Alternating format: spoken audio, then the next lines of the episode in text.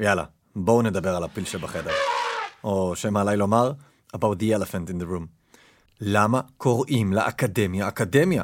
מכל השמות האפשריים שיכלו לחשוב עליהם בעברית, לגוף שהוא המוסד העליון, המגדלור בכל הנוגע לשפה הנהדרת שלנו, דווקא על שם לועזי הם הלכו? מה קורה פה? אוקיי, אוקיי, בואו נרגיע את האמוציות וניקח כמה נשימות עמוקות. יש הסבר. יש כאן סיפור שכולל לחצים כבירים ומאבקי איתנים בין שני צדדים, שכל אחד מהם משך לכיוון אחר, ולכל אחד מהם טיעונים מצוינים בעד או נגד השימוש במילה אקדמיה.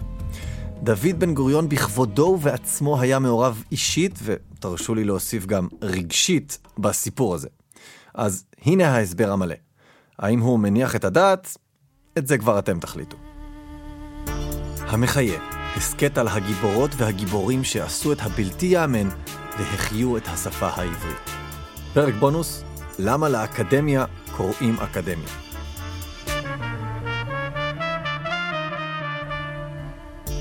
טוב, בואו נתחיל ממה שכולנו יודעים. לא לכל מילה לועזית מחפשים חלופה עברית. זה גם די הגיוני. זה ממש סבבה שצופים בטלוויזיה, מדברים בטלפון, מפתחים טכנולוגיה. יש מילים שפשוט לא מצאו להן חלופה ראויה מספיק בעברית, ועד שזה יקרה, משתמשים בגרסה הלועזית. זה אחד מעקרונות היסוד של ביאליק לחידוש השפה, זוכרים?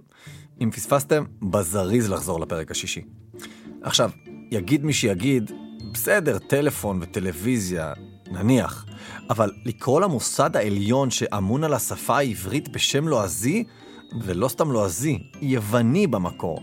זה בבחינת הסנדלר הולך יחף, הנגר בלי פטיש, החייט חסר מספריים, המתכנתת בלי מקלדת, הרופאה בלי סטטוסקופ, כלומר אה, מסקט. בקיצור, הבנתם אותי. האקדמיה יועדה להמשיך את דרכו של ועד הלשון העברית, גוף שמטרותיו היו דומות, אבל היה נטול תקציב וסמכויות רשמיים, והחברים בו היו מתנדבים. למה לא לקרוא לגוף הזה, לא יודע, המוסד העליון לעברית, או מרכז שפתנו, או בית השפה העברית? הדיון הזה, שמעסיק אנשים עד היום ומעורר גם לא מעט אמוציות, העסיק בזמנו את לא פחות ולא יותר מאשר ראשי המדינה. בשנת 1949 התכנסה אספה פומבית לכבוד ההכרזה על הקמת האקדמיה ללשון העברית, מוסד רשמי שיעוגן בחוקי המדינה הצעירה, שיעסוק במחקר, שימור וחידוש השפה העברית. הטקס התקיים ברוב הוד והדר ובהשתתפות ראש הממשלה דוד בן גוריון בכבודו ובעצמו. אבל אז החגיגה קצת התקלקלה. בן גוריון, לצד שר החוץ משה שרת, וחבר הכנסת ולימים נשיא המדינה יצחק בן צבי, התנגדו נחרצות לשם הלועזי. לעומתם, אנשי ועד הלשון לא היו מוכנים לוותר על המילה אקדמיה.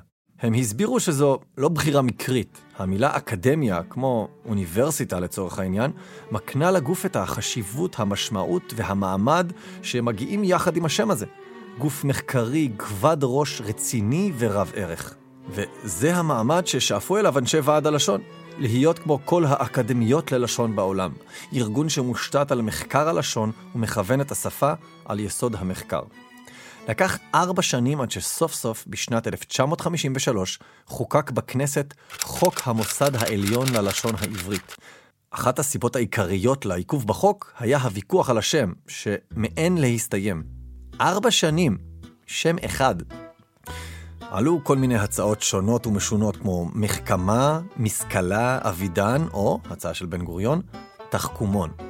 ועל כל אלו ענה נשיא ועד הלשון דאז, פרופסור נפתלי הרץ טור סיני. אין אפשרות להביע במילה עברית מחודשת את כל משמעותו של השם הבינלאומי הזה, שהתייחד בשימושו למוסד תרבותי עליון במדינה, בכל אומה ולשון בהיסטוריה.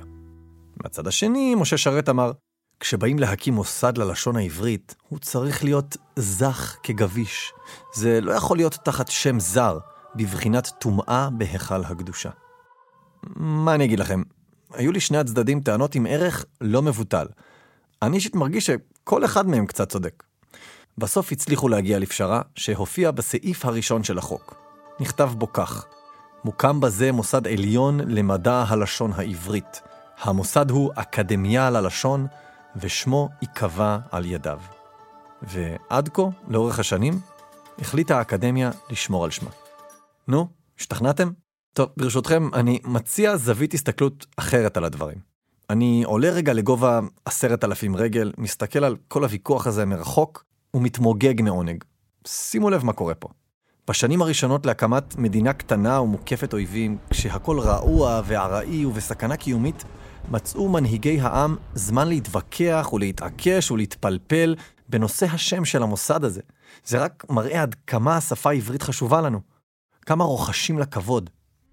בשורה התחתונה, אני חושב שביום שנהיה אדישים לשם הזה, והאמוציות סביב הסיפור תתפוגגנה, אז צריך להתחיל לדאוג. כלומר, בינתיים, מצבנו מצוין. אני מאחל לכולנו שנמשיך להתווכח אם השם אקדמיה מתאים או לא מתאים. מדובר בסימן בריא ונהדר לחשיבות ולערך שאנחנו מייחסים, בצדק רב בעיניי, לשפה העברית.